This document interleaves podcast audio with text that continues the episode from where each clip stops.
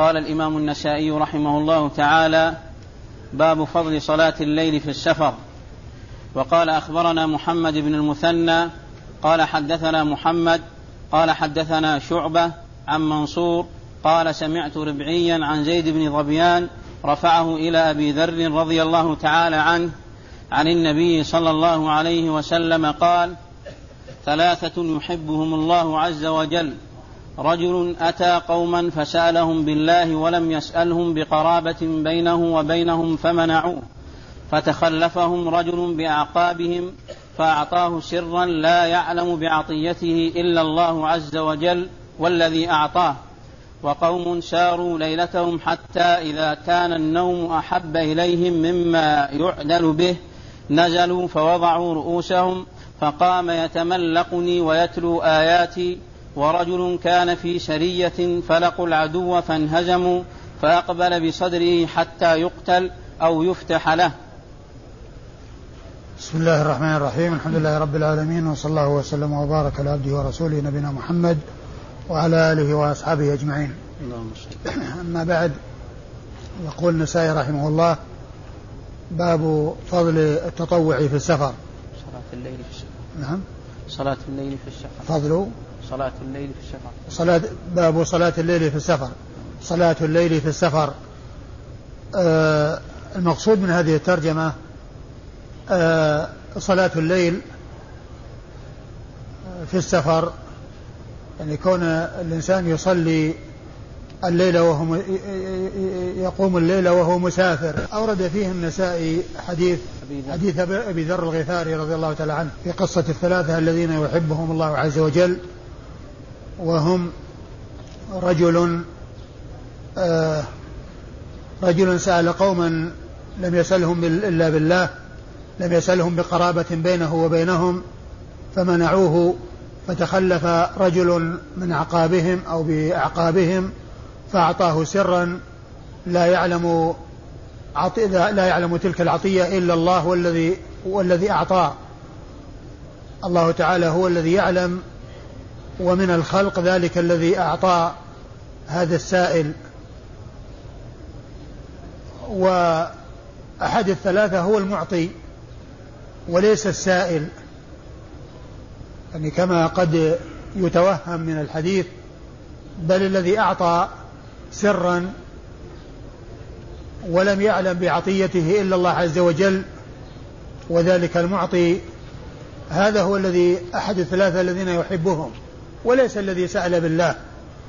والتقدير الذي يناسب معطي رجل معطي رجل سأل بالله كذا. يعني ال ال ال ال الذي هو أحد الثلاثة المعطي وليس السائل. واليد العليا خير من اليد السفلى.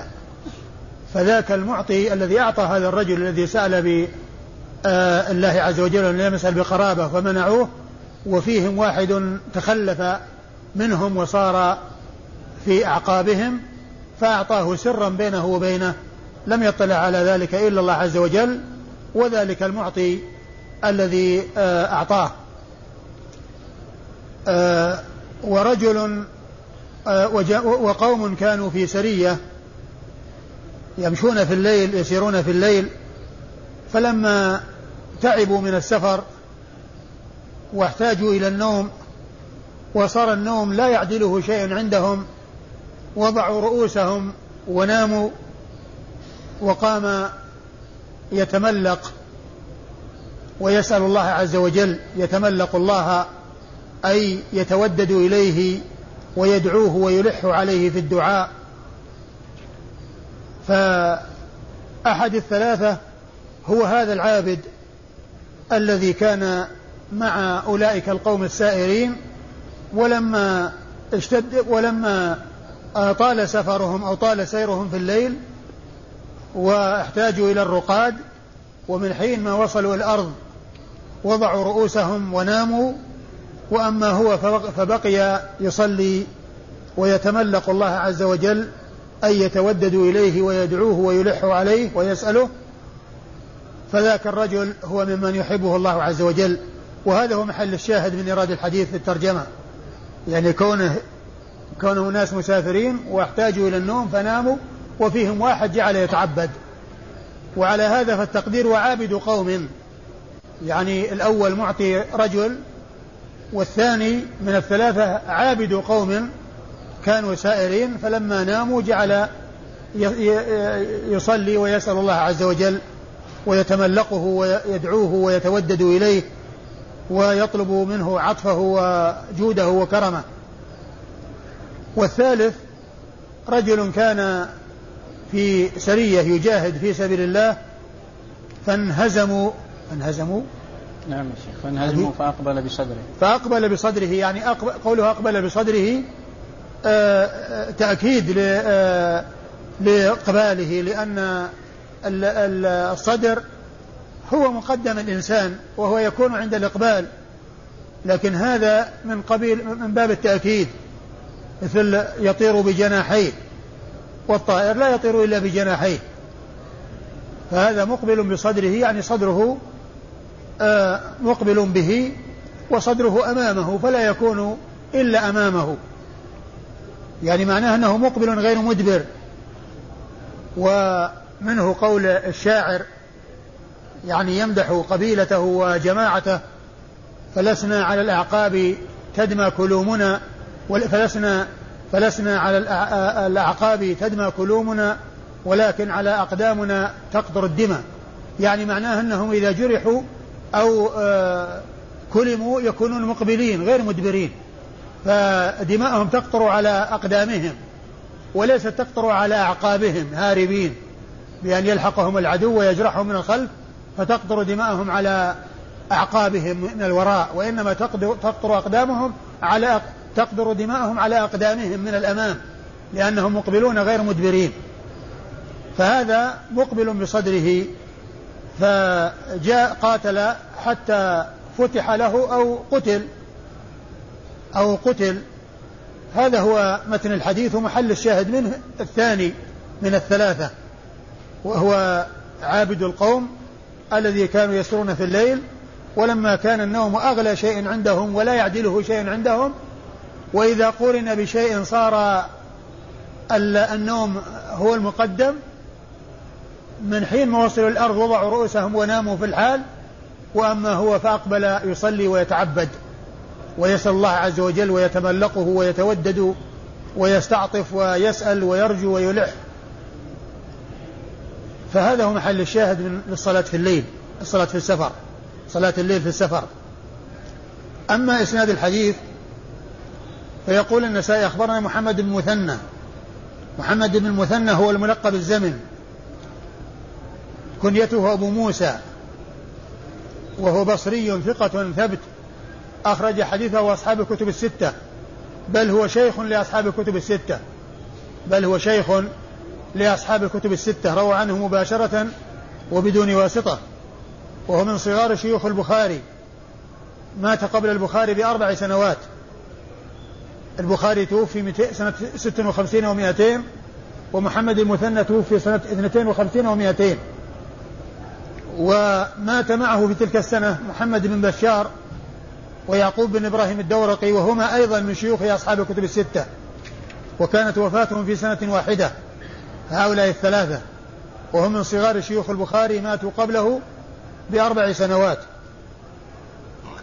عن محمد ومحمد هنا غير منسوب. والمراد به بن جعفر الملقب غندر وإذا جاء محمد غير منسوب يروي عن شعبة أو يروي عنه محمد بن مثنى أو محمد بشار فالمراد به غندر الذي هو محمد بن جعفر. البصري الملقب غندر وهو ثقة أخرج حديثه أصحاب الكتب الستة. يروي عن شعبة ابن الحجاج الواسطي ثم البصري وهو ثقة ثبت وصف بأنه أمير المؤمنين في الحديث وهي من أعلى صيغ التعديل وأرفعها وحديثه عند أصحاب الكتب الستة. عن منصور. عن منصور بن المعتمر الكوفي وهو ثقة وهو من أقران الأعمش وحديثه أخرجه أصحاب الكتب الستة. عن سمعت ربعيا. قال سمعت ربعيا وهو ابن حراش الكوفي وهو ثقة ثبت عابد أخرج حديثه أصحاب الكتب الستة. عن زيد بن ظبيان عن زيد بن ظبيان عن زيد بن ظبيان وهو مقبول. أخرج حديثه أبو داود والنسائي وابن ماجه. الترمذي والنسائي. الترمذي والنسائي. أخرج حديثه الترمذي والنسائي. عن أبي ذر الغفاري وجندب بن جنادة صاحب رسول الله صلى الله عليه وسلم وحديثه عند أصحاب الكتب الستة. والحديث في إسناده زيد بن ظبيان وهو مقبول. والمقبول آآ حديثه يعتبر إذا توبع وهو لم يتابع فالحديث غير صحيح. ولهذا ضعفه الشيخ الألباني وجعله من ضمن ضعيف سنن النسائي. وفيه زيد بن ظبيان الذي يروي عن أبي ذر وهو مقبول. والمقبول يعول على حديثه إذا توبع وبدون متابعة لا يحتج بحديثه. نعم. قال باب وقت القيام. وقال أخبرنا محمد بن لكن جاء لكن جاء في بعض الأحاديث أن النبي عليه الصلاة والسلام كان يصلي على راحلته وهو في السفر أينما توجهت يستقبل القبلة عندما يريد أن آه أن آه يبدأ بالصلاة ثم تتجه راحلته إلى الجهة التي يريد فهو يصلي فهو يصلي. وكان لا ينزل إلا إذا آه إذا حان وقت الفريضة فإنه ينزل ويصلي. وأما النوافل فإنه كان يصليها في آه وهو وهو على على راحلته. ومن ذلك صلاته في الليل فإنه كان يصلي وهو على راحلته. أي النوافل متجها آه آه أينما توجهت به راحلته الوجهة التي يريد ولكن يكون في البداية تستقبل القبلة ثم بعد ذلك تتجه الدابة أو توجه الدابة إلى الجهة التي يريدها الإنسان. قال باب وقت القيام. وقال أخبرنا محمد بن إبراهيم البصري عن بشر هو ابن المفضل قال حدثنا شعبة عن أشعث بن سليم عن أبيه عن مسروق قال قلت لعائشة رضي الله تعالى عنها أي الأعمال أحب إلى رسول الله صلى الله عليه وسلم؟ قالت الدائم. قلت فأي الليل كان يقوم؟ قالت إذا سمع الصارخ. أه ترجمه شيء؟ باب وقت القيام. القيام. وقت القيام يعني وقت قيام الليل. وقت قيام الليل.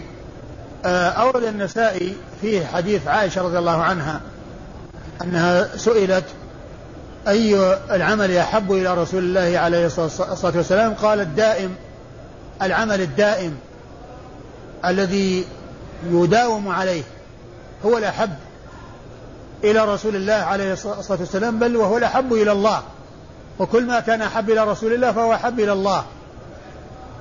وما كان أحب إلى الله فهو الأحب إلى رسول الله. ولا يكون الأحب إلى رسول الله يختلف عن الأحب إلى الله. بل ما كان إلى الله أحب فهو إلى رسوله أحب. ولا يكون شيئا أحب إلى الله والرسول عليه الصلاة والسلام يكون يكون له شيء آخر أحب إليه خلاف ما هو أحب إلى الله عز وجل.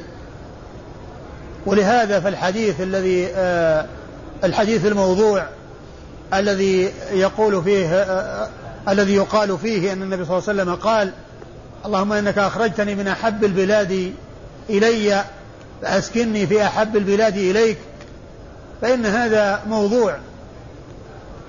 والأحب إلى رسول الله هو الأحب إلى الله.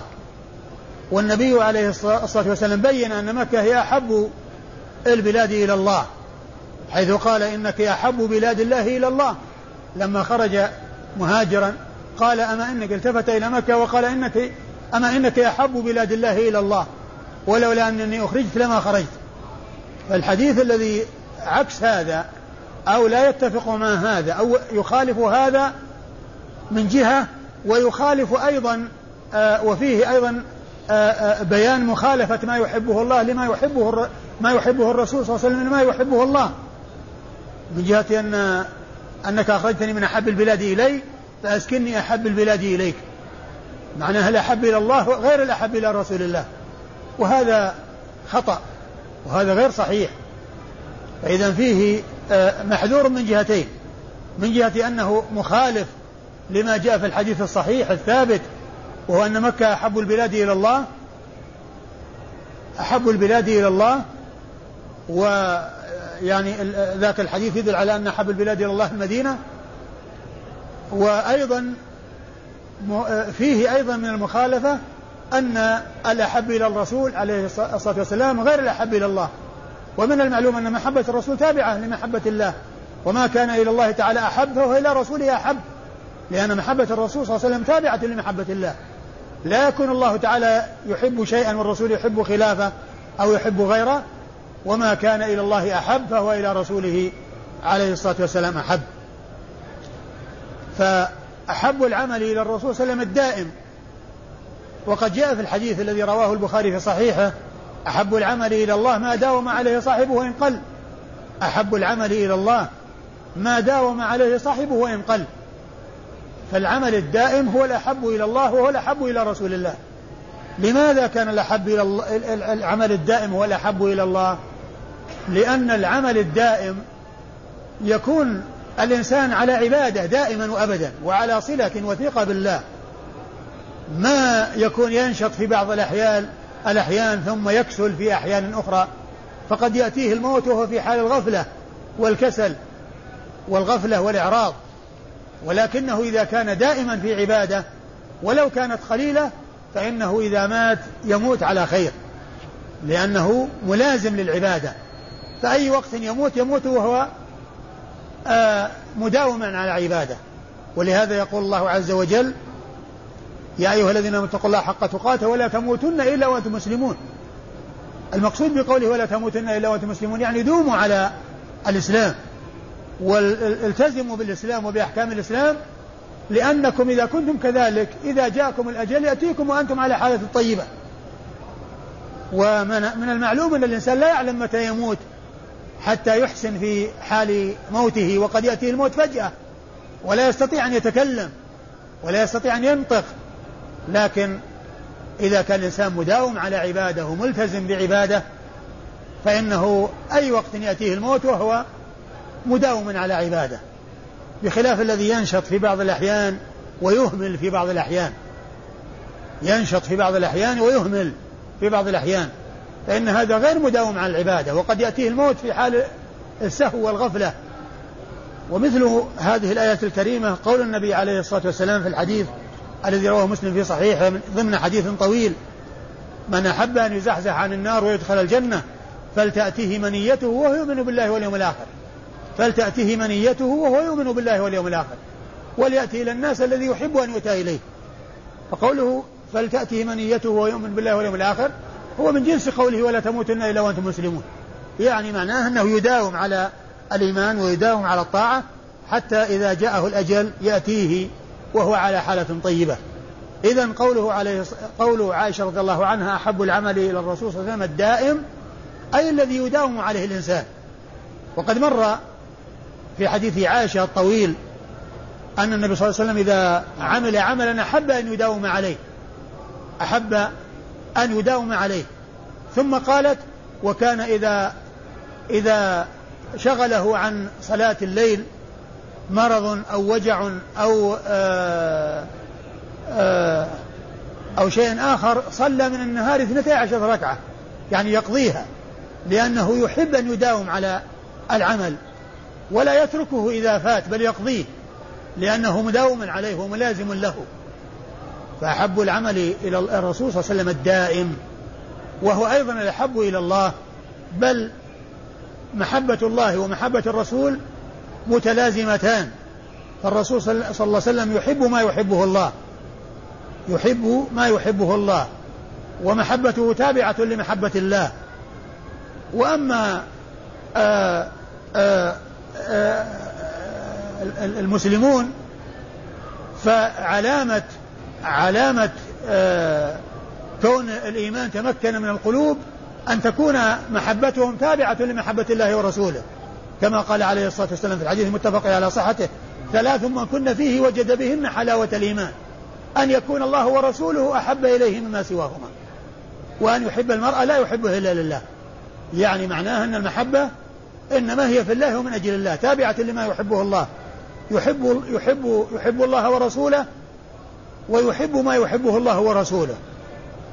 يحب الله ورسوله ويحب ما يحبه الله ورسوله. ويحب من يحبه الله ورسوله. يحب من يحبه الله ورسوله من الأشخاص ويحب ما يحبه الله ورسوله من الأعمال. ثم قال؟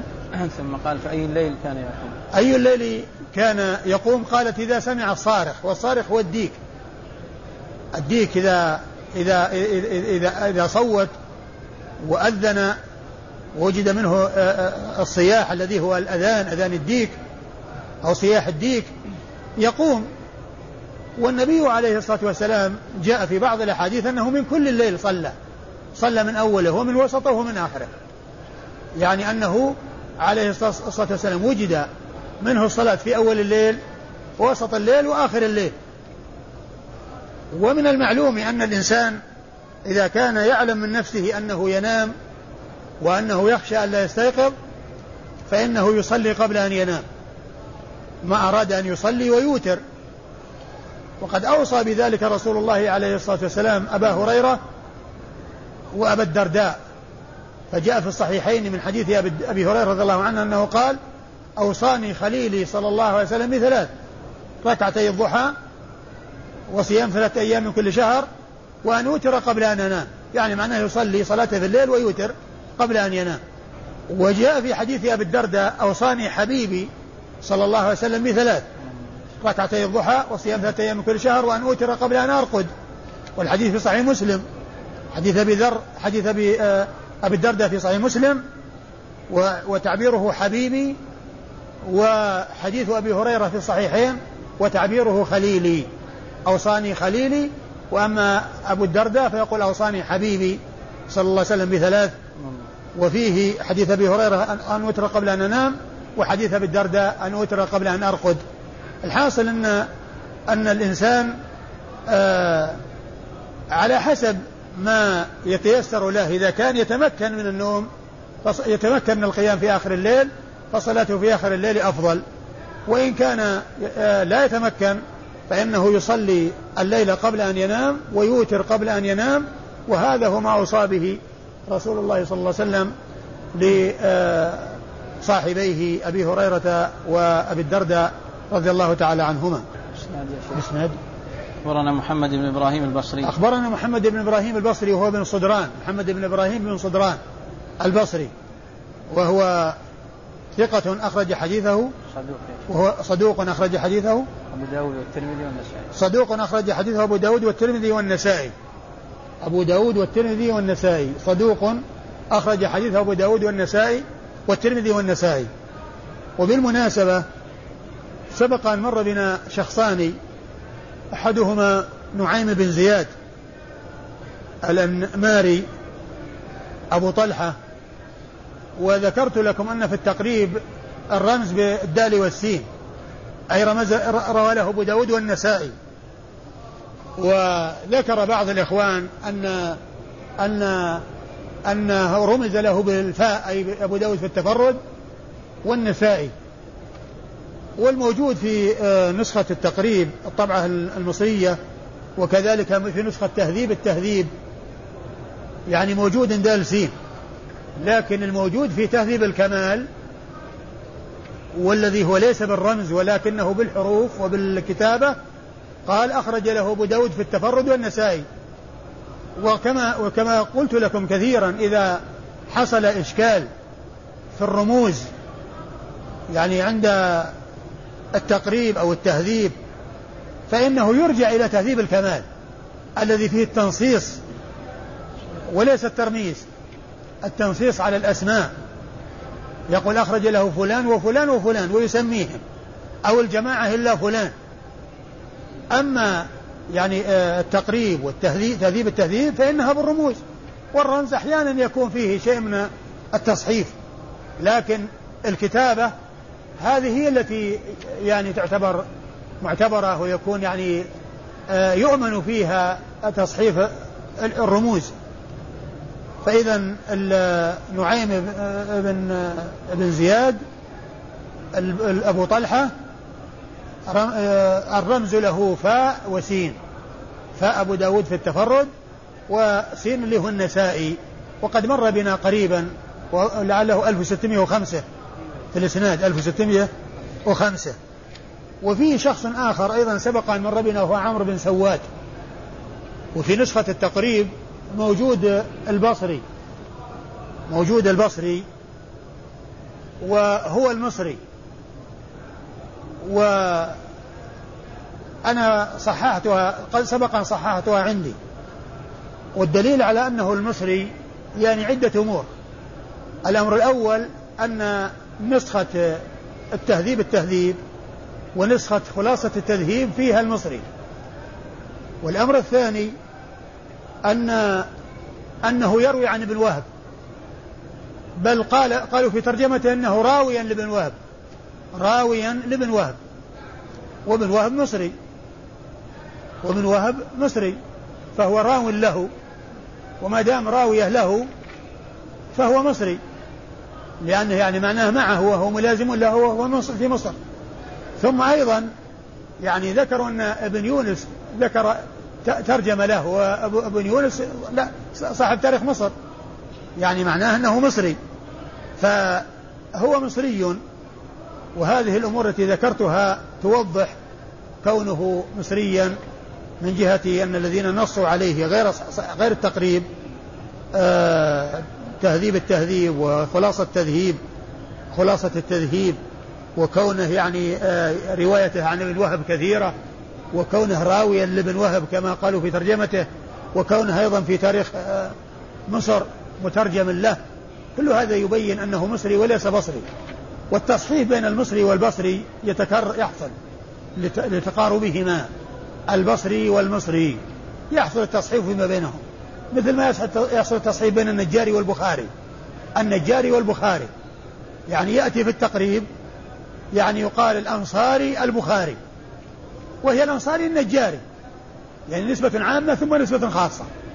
نسبة عامة ثم نسبة خاصة. وقد مر بنا قريبا أن يعني أن أن الصحابة والتابعين ما فيهم أحد ينسب إلى بخارى وإنما يعني من يأتي يعني من الصحابة ومن التابعين يعني وفي هذا فهي تصحيف في الغالب يعني من بخارى بدل بخارى نجاري.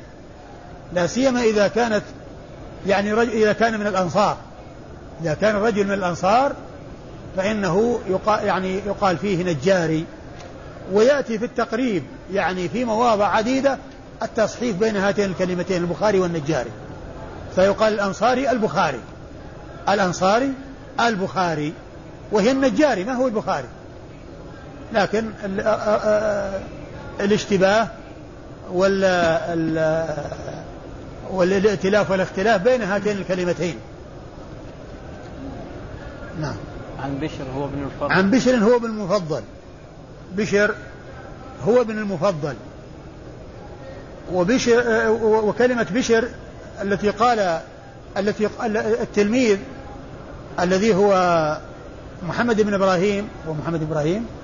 نعم يا شيخ. محمد إبراهيم البصري لا نعم. محمد إبراهيم البصري هو الذي قال مح... عن قال بشر فقط. أما من دونه النسائي أو غير النسائي من دون النسائي فهم الذين قالوا هو ابن المفضل. هو ابن المفضل. لأن التلميذ لا يحتاج إلى أن يقول هو ابن فلان بل ينسبه كما يريد. فلان ابن فلان ابن فلان ويمكن يأتي بستة أسماء أو يأتي بجده السادس أو السابع. مثل ما يفعل النسائي أحيانا يجي سطر كامل كله نسب لشيخ من شيوخه. كل لشيخ نسب لشيخ من شيوخه. مثل عمرو بن عثمان ومثل عمرو بن سواد. فإنه يعني أحيانا يطول في نسبهم. يأتي خمسة أسماء أو ستة أسماء. في وأما آه، غير التلميذ فهو الذي إذا أراد أن يزيد ما يوضح به أتى بكلمة هو ابن فلان. ولا يلزم أن تكون من ممن دون التلميذ فقط بل قد تكون ممن يعني ممن دونه بكثير. وقد سبق أن مر بنا أو مر بنا قريبا الحديث الذي في درس أمس الذي فيه حميد بن عبد الرحمن هو بن عوف والتي ذكرت أن الحافظ بن حجر قال إنها وهم والوهم فيها ممن دون النسائي لأنه وجد في بعض نسخ النساء في غير في نسخ النسائي التي ليست من رواية ابن السني ما فيها ابن عوف. وابن عوف جاء في رواية ابن السني. يعني معناها أن أن أن أن, أن, أن الزيادة ممن دون النسائي. ولهذا قال الحافظ بن حجر إنها ممن دون النسائي. يعني زيادة ابن عوف مع ابن عوف في آخر الإسناد في, في أعلى الإسناد. لكن الذي زادها من أجل التوضيح هو من دون النسائي لأن نسخة غير ابن السني أو الروايات التي روايات غير ابن السني ليس فيها ابن عوف ليس في هذه الزيادة. إذا هذه الزيادة ممن دون النسائي وسبق أن مر بنا مثال. يعني شيخ من شيوخ النسائي فيه هو من فلان. يعني من نفس شيوخ النسائي هو ابن فلان. لا أدري هل أحد يتذكر منكم هذا المكان أو هذا الموضع. أنا الآن ما أتذكر الرقم لكني مدونة عندي. يعني في الفوائد التي أدونها يعني من في سنن النسائي وأن الزيادة يمكن أن تكون من يعني من غير النسائي ممن دونه. وقد مر بنا شخص من شيوخ النسائي فيه هو ابن فلان. يعني معناه هذا واضح أن الزيادة ليست من النسائي وإنما هي ممن دون النسائي ويزيد هذا وضوحا هذه الكلمة التي قال الحافظ بن حجر في تعليقه على تحفة الأشراف.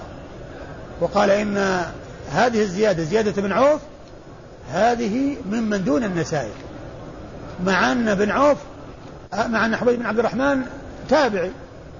يعني يروي عن الصحابي. والذي زاد هو من دون النسائي.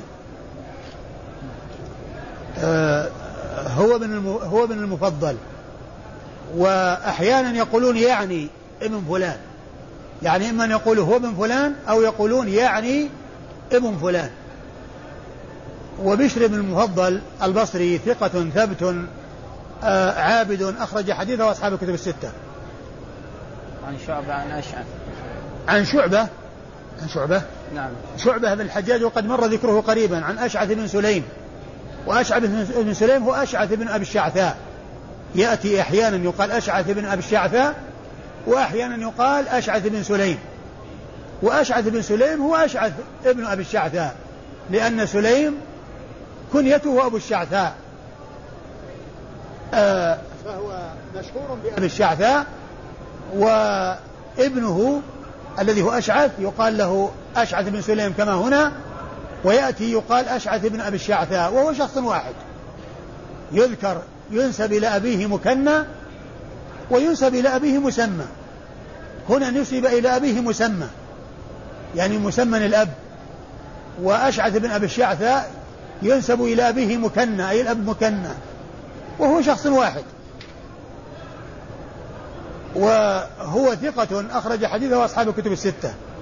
يروي عن أبيه أبو الشعثاء وهو سليم بن أسود المحاربي الكوفي وهو ثقة. قال الحافظ باتفاق ثقة باتفاق يعني معناه متفق على توثيقه وحديثه أخرجه أصحاب الكتب الستة. عن مسروق عن مسروق عن مسروق بن الأجدع وهو ثقة فقيه آه، أخرج حديثه ثقة فقيه عابد أخرج ثقة ثبت فقيه عابد أخرج حديثه أصحاب الكتب الستة. عن عائشة أم المؤمنين رضي الله تعالى عنها وأرضاها الصديقة بنت الصديق التي حفظ الله تعالى بها الكثير من سنة رسول الله صلى الله عليه وسلم. لا سيما السنن التي تكون في البيوت والتي تكون مع بين الرجل وأهل بيته فإنهن يعني فإنها أي عائشة وغيرها من أمهات المؤمنين هن اللاتي روينا عن رسول الله صلى الله عليه وسلم الأمور التي تختص بها النساء وعائشة رضي الله عنها هي التي روت الكثير من ذلك ومن غيره. وهي واحدة من سبعة أشخاص من أصحاب رسول الله صلى الله عليه وسلم. عرفوا بكثرة الحديث عنه عليه الصلاة والسلام. وهم أبو هريرة وابن عمر وابن عباس وأبو سعيد الخدري وجابر بن عبد الله الأنصاري وأنس بن مالك وأم المؤمنين عائشة. ستة رجال وامرأة واحدة. هؤلاء السبعة معروفون بكثرة الحديث عن رسول الله عليه الصلاة والسلام. وهم الذين جمعهم السيوطي في ألفية بقوله والمكثرون في روايات الأثر أبو هريرة يليه بن عمر وأنس والبحر أي ابن عباس البحر ويقال الحبر. والبحر كالخدري وجابر وزوجة النبي. أي يريد عائشة أم المؤمنين رضي الله عنها وأرضاها. نعم. قال باب ذكر ما يستفتح به القيام. وقال أخبرنا عصمة بن الفضل قال حدثنا زيد بن الحباب عن معاوية بن صالح قال حدثنا الأزهر بن سعيد عن عاصم بن حميد قال سألت عائشة رضي الله تعالى عنها بما كان رسول الله صلى الله عليه وسلم يستفتح قيام الليل قالت لقد سألتني عن شيء ما سألني عنه أحد قبلك كان رسول الله صلى الله عليه وسلم يكبر عشرا ويحمد عشرا ويسبح عشرا ويهلل عشرا ويستغفر عشرا ويقول اللهم اغفر لي واهدني وارزقني وعافني أعوذ بالله من ضيق المقام يوم القيامة. ثم أورد النسائي هذه الترجمة وهي ب يعني ما تستفتح به صلاة الليل. يعني كون الإنسان عندما يدخل في الصلاة يأتي بالاستفتاح الذي هو بعد التكبير وقبل القراءة. يعني مثل ما تستفتح الصلاة صلاة المفروض الفريضة أيضا النوافل تستفتح وقيام الليل يستفتح. بذكر لله عز وجل ودعاء. ومراد النسائي بهذه الترجمة هي ما تستفتح به صلاة الليل أي الذكر أو الدعاء الذي يؤتى به قبل القراءة وبعد التكبير بعد الدخول في الصلاة يعني في أول ركعة. في أول ركعة يعني معناه أن الإنسان عندما يبدأ في الصلاة أول ركعة فيها يستفتح. يستفتح في أول ركعة ثم لا يحتاج إلى الاستفتاح. يعني بعد ذلك يقوم ويقرأ القرآن.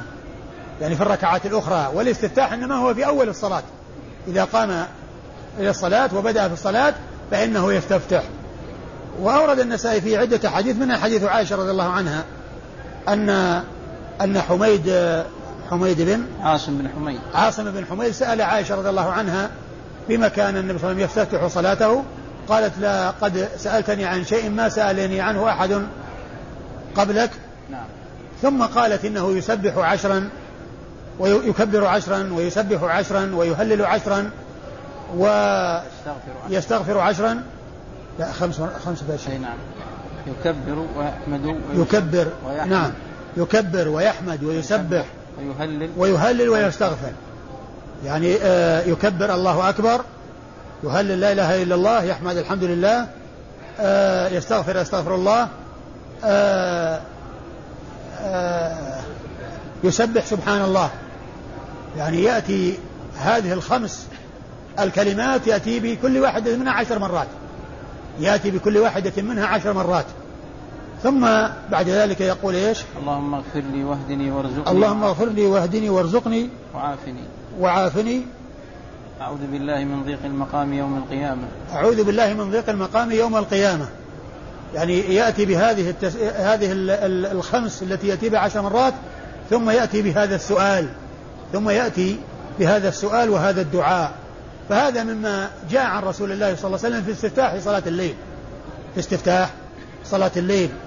يعني معناه في الركعة الأولى من صلاة الليل بعد التكبير وقبل القراءة يأتي بهذه التسبيحات والتكبيرات والتهليلات والتحميدات والاستغفار. ثم هذا الدعاء القصير بعد هذا الثناء على الله عز وجل. ومن المعلوم أن من أسباب قبول الدعاء أن يكون مسبوقا بحمد الله والثناء عليه. وهذا كذلك لأن فيه هذا الثناء وذكر وتهليل وتسبيح آه، ثم استغفار وسؤال آه، آه، يعني يسأل الله عز وجل إياه يسأل الله تعالى أن يرزقه وأن يهديه وأن يعافيه و يعني آه، يأتي بهذا بعد تلك المقدمات التي هي ثناء على الله عز وجل. وهذا مما ثبت عن رسول الله عليه الصلاة والسلام يعني في استفتاح قيام الليل. أيوة. الإسناد عصمة بن الفضل قال أخبرنا عصمة. عصمة بن الفضل. النيسابوري أبو الفضل. عصمة بن الفضل أبو الفضل النيسابوري. كنيته توافق اسم أبيه. قد مر بنا كثير من هؤلاء. منهم عبد الرحمن الأوزاعي أبو عمرو وأبوه عمرو. ومنهم هناد بن السري أبو السري. ومنهم إسماعيل بن مسعود البصري أبو مسعود.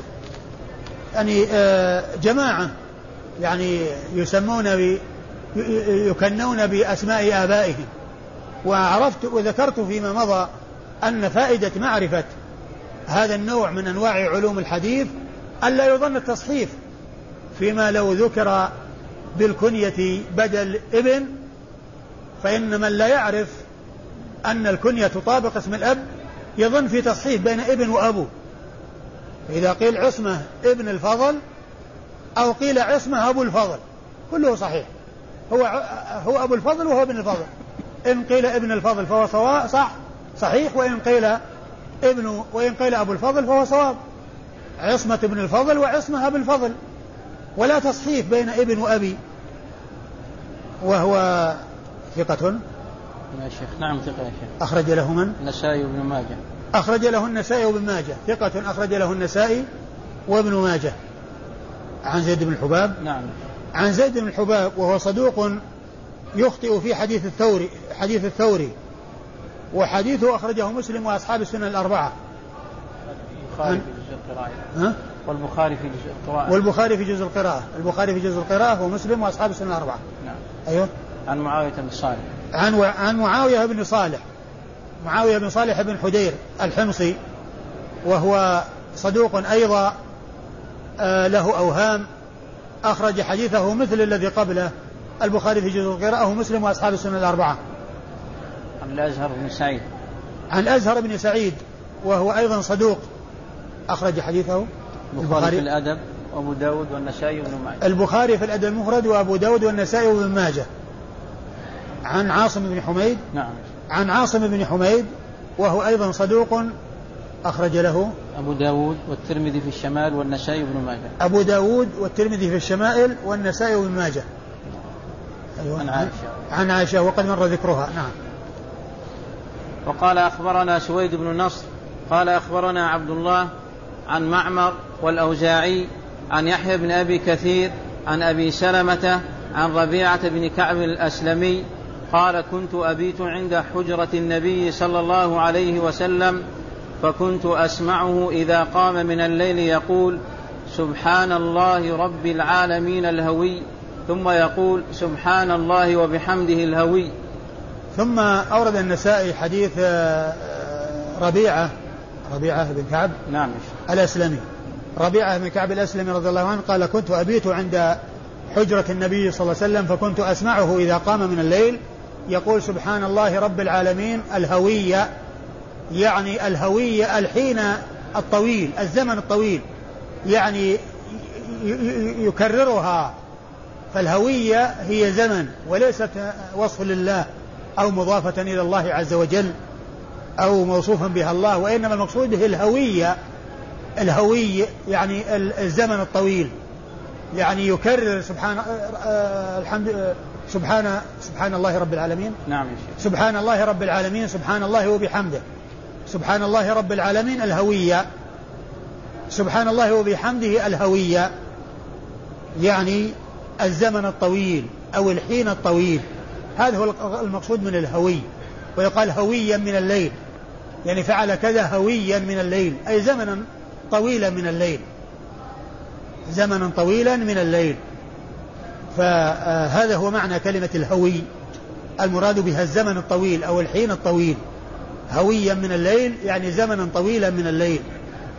يعني أنه كان إذا قام يعني يكرر هاتين الكلمتين. يكرر هاتين الكلمتين.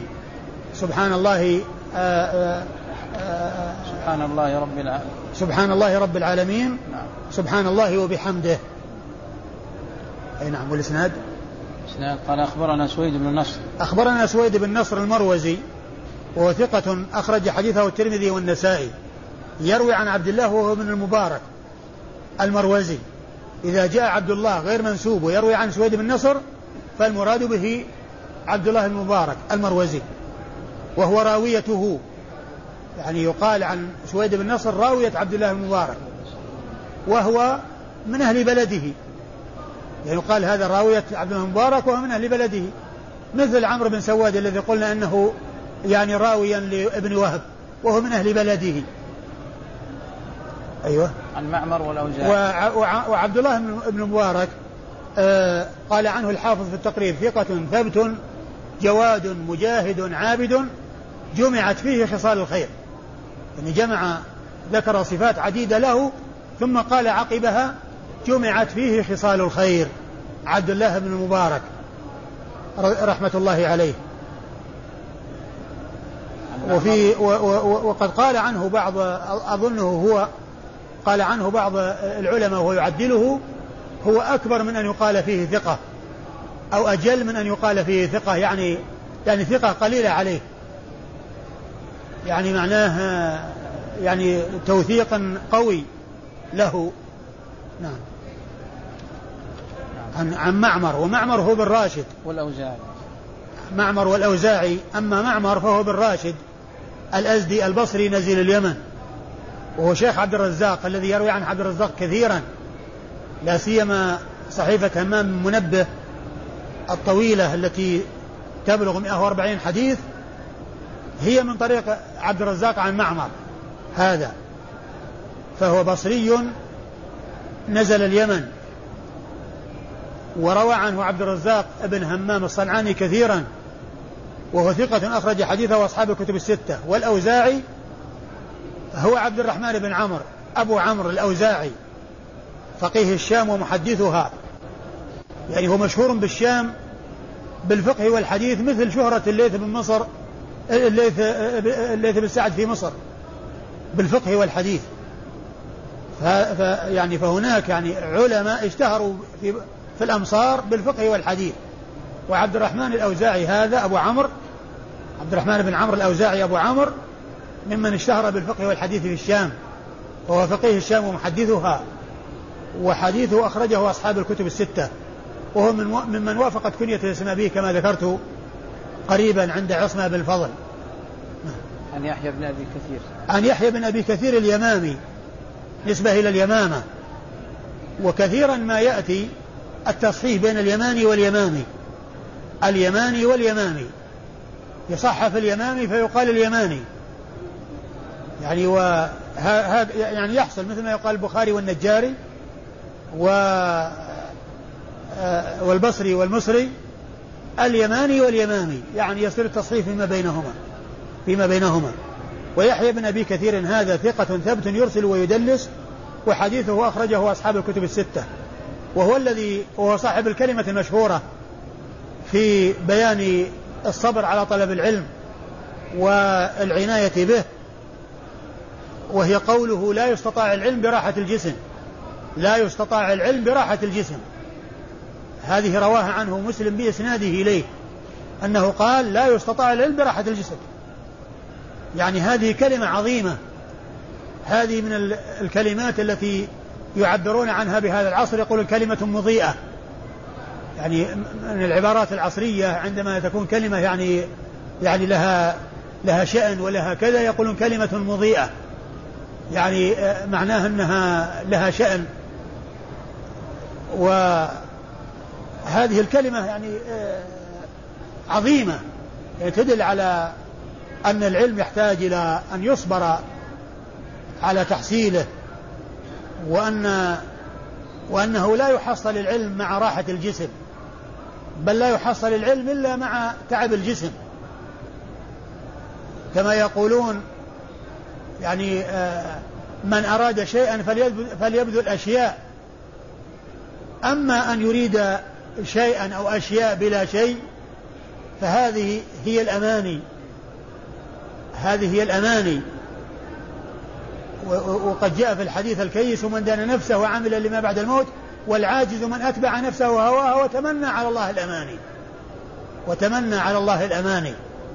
بل الإنسان يعني يجد وإذا أقبل على الشيء يحرص عليه ويعنى به.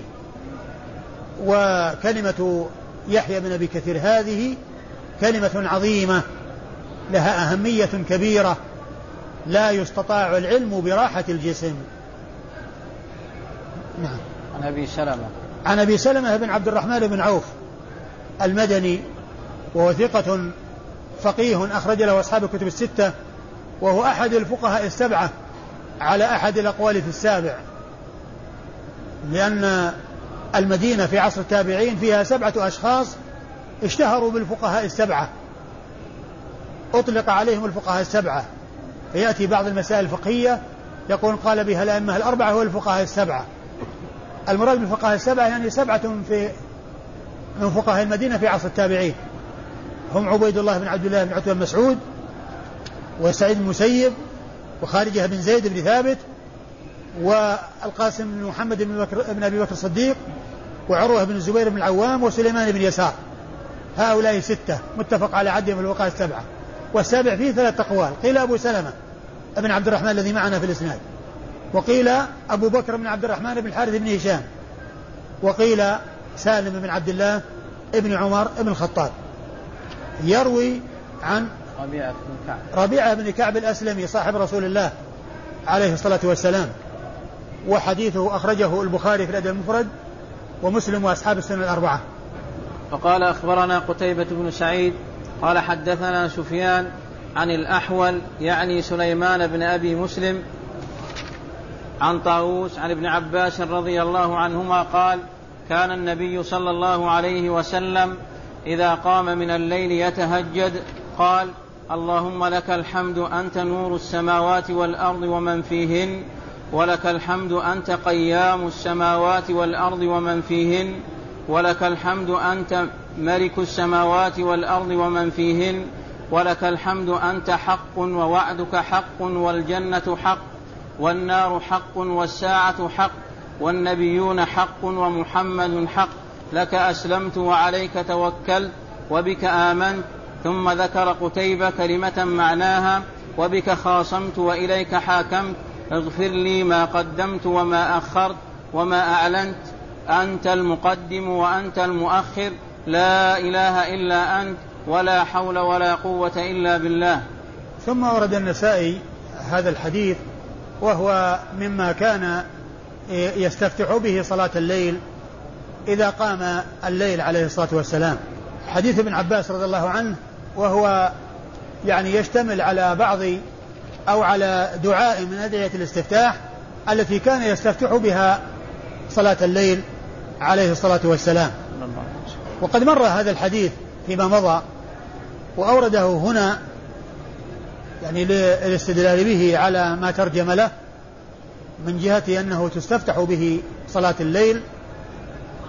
والحديث قد مر وهو كله ثناء على الله عز وجل في البداية ثم في الآخر سؤال وطلب من الله عز وجل وهذا هديه عليه الصلاة والسلام أن كثيرا من أدعيته تكون مسبوقة بالحمد والثناء على الله عز وجل.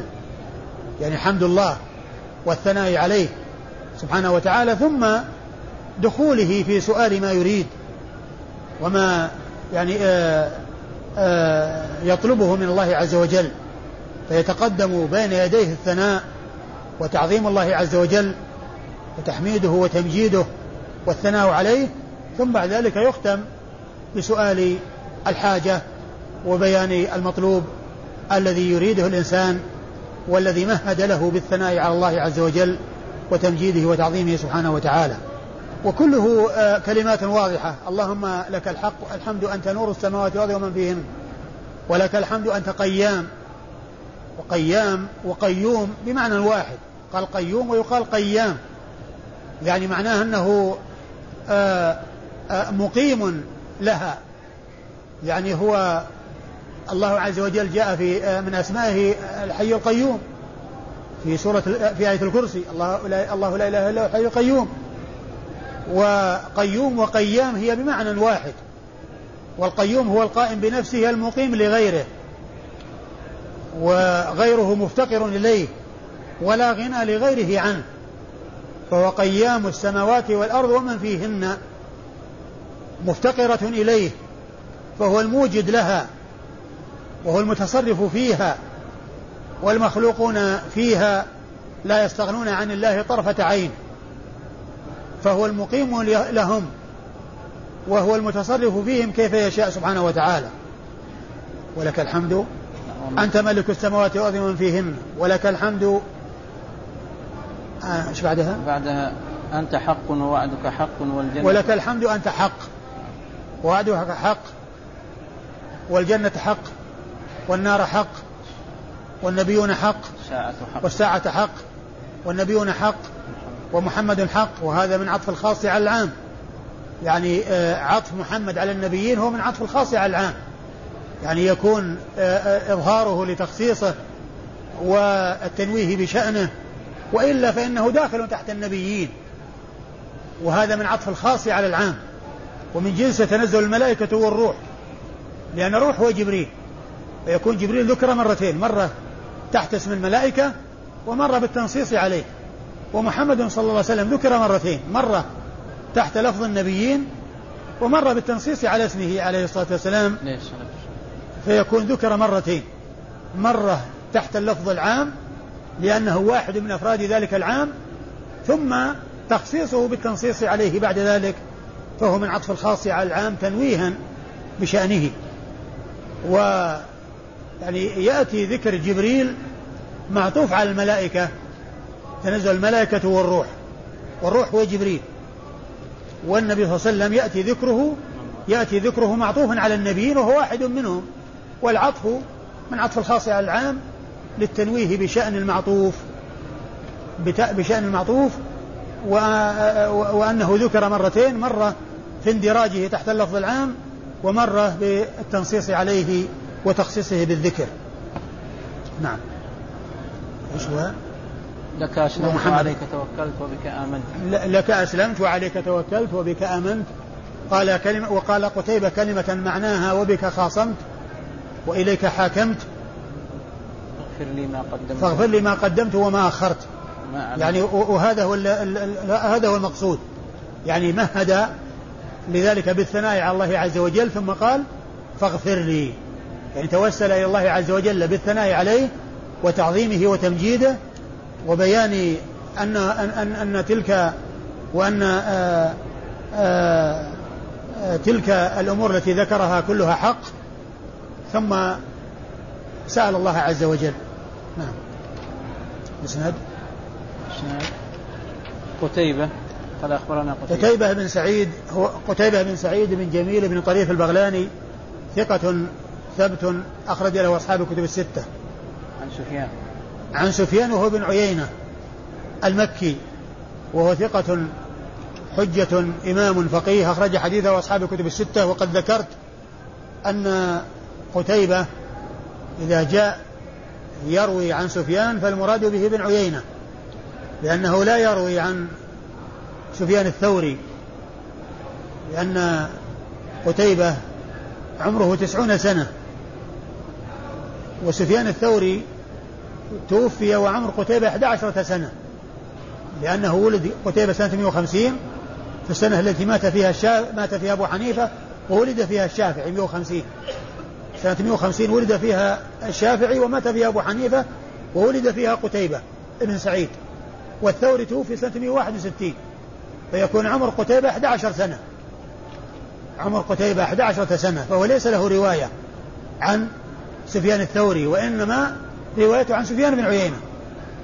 وسفيان بن عيينة توفي سنة 197 يعني يعني آه بعد سفيان الثوري بمدة.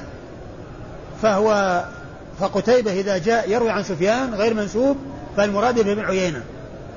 وهذا وذكر سفيان غير منسوب يقال له المهمل. المهمل. يعني أهمل عن النسبة. وهنا كما هو واضح المراد به ابن عيينة. أيوة عن عن الأحول يعني سليمان. عن الأحول. قال عن الأحول قال يعني ابن يعني سليمان. بن أبي مسلم. سليمان بن أبي مسلم. آه الذي هو قتيبة. قتيبة هو الذي روى عنه؟ نعم يا شيخ. سفيان عن نعم عن سفيان. سفيان روى عن الأحول وما زاد على كلمة الأحول. سفيان يروي عن الأحول.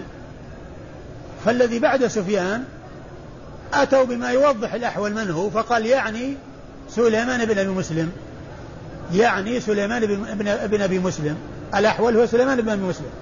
سليمان بن أبي مسلم هذا اسمه ونسبه والأحول لقبه والأحول هو لقبه فابن عي... ابن عيينة ذكره باللقب وما ذكر اسمه لكن من دون سفيان إما قتيبة أو النسائي أو من دون النسائي قال يعني. وكلمة يعني هذا فعل فعل هذه الكلمة لها قائل ولها فاعل فقائلها من دون سفيان بن عيينة هو الذي قال يعني. وفاعلها ضمير مستتر يرجع إلى سفيان بن عيينة. فاعلها ضمير مستتر يرجع للتلميذ وهو سفيان بن عيينة. يعني سفيان بن عيينة بقوله الأحول سليمان يعني هذا هو المفعول. يعني سليمان فاعلها ضمير مستتر يرجع إلى إلى سفيان.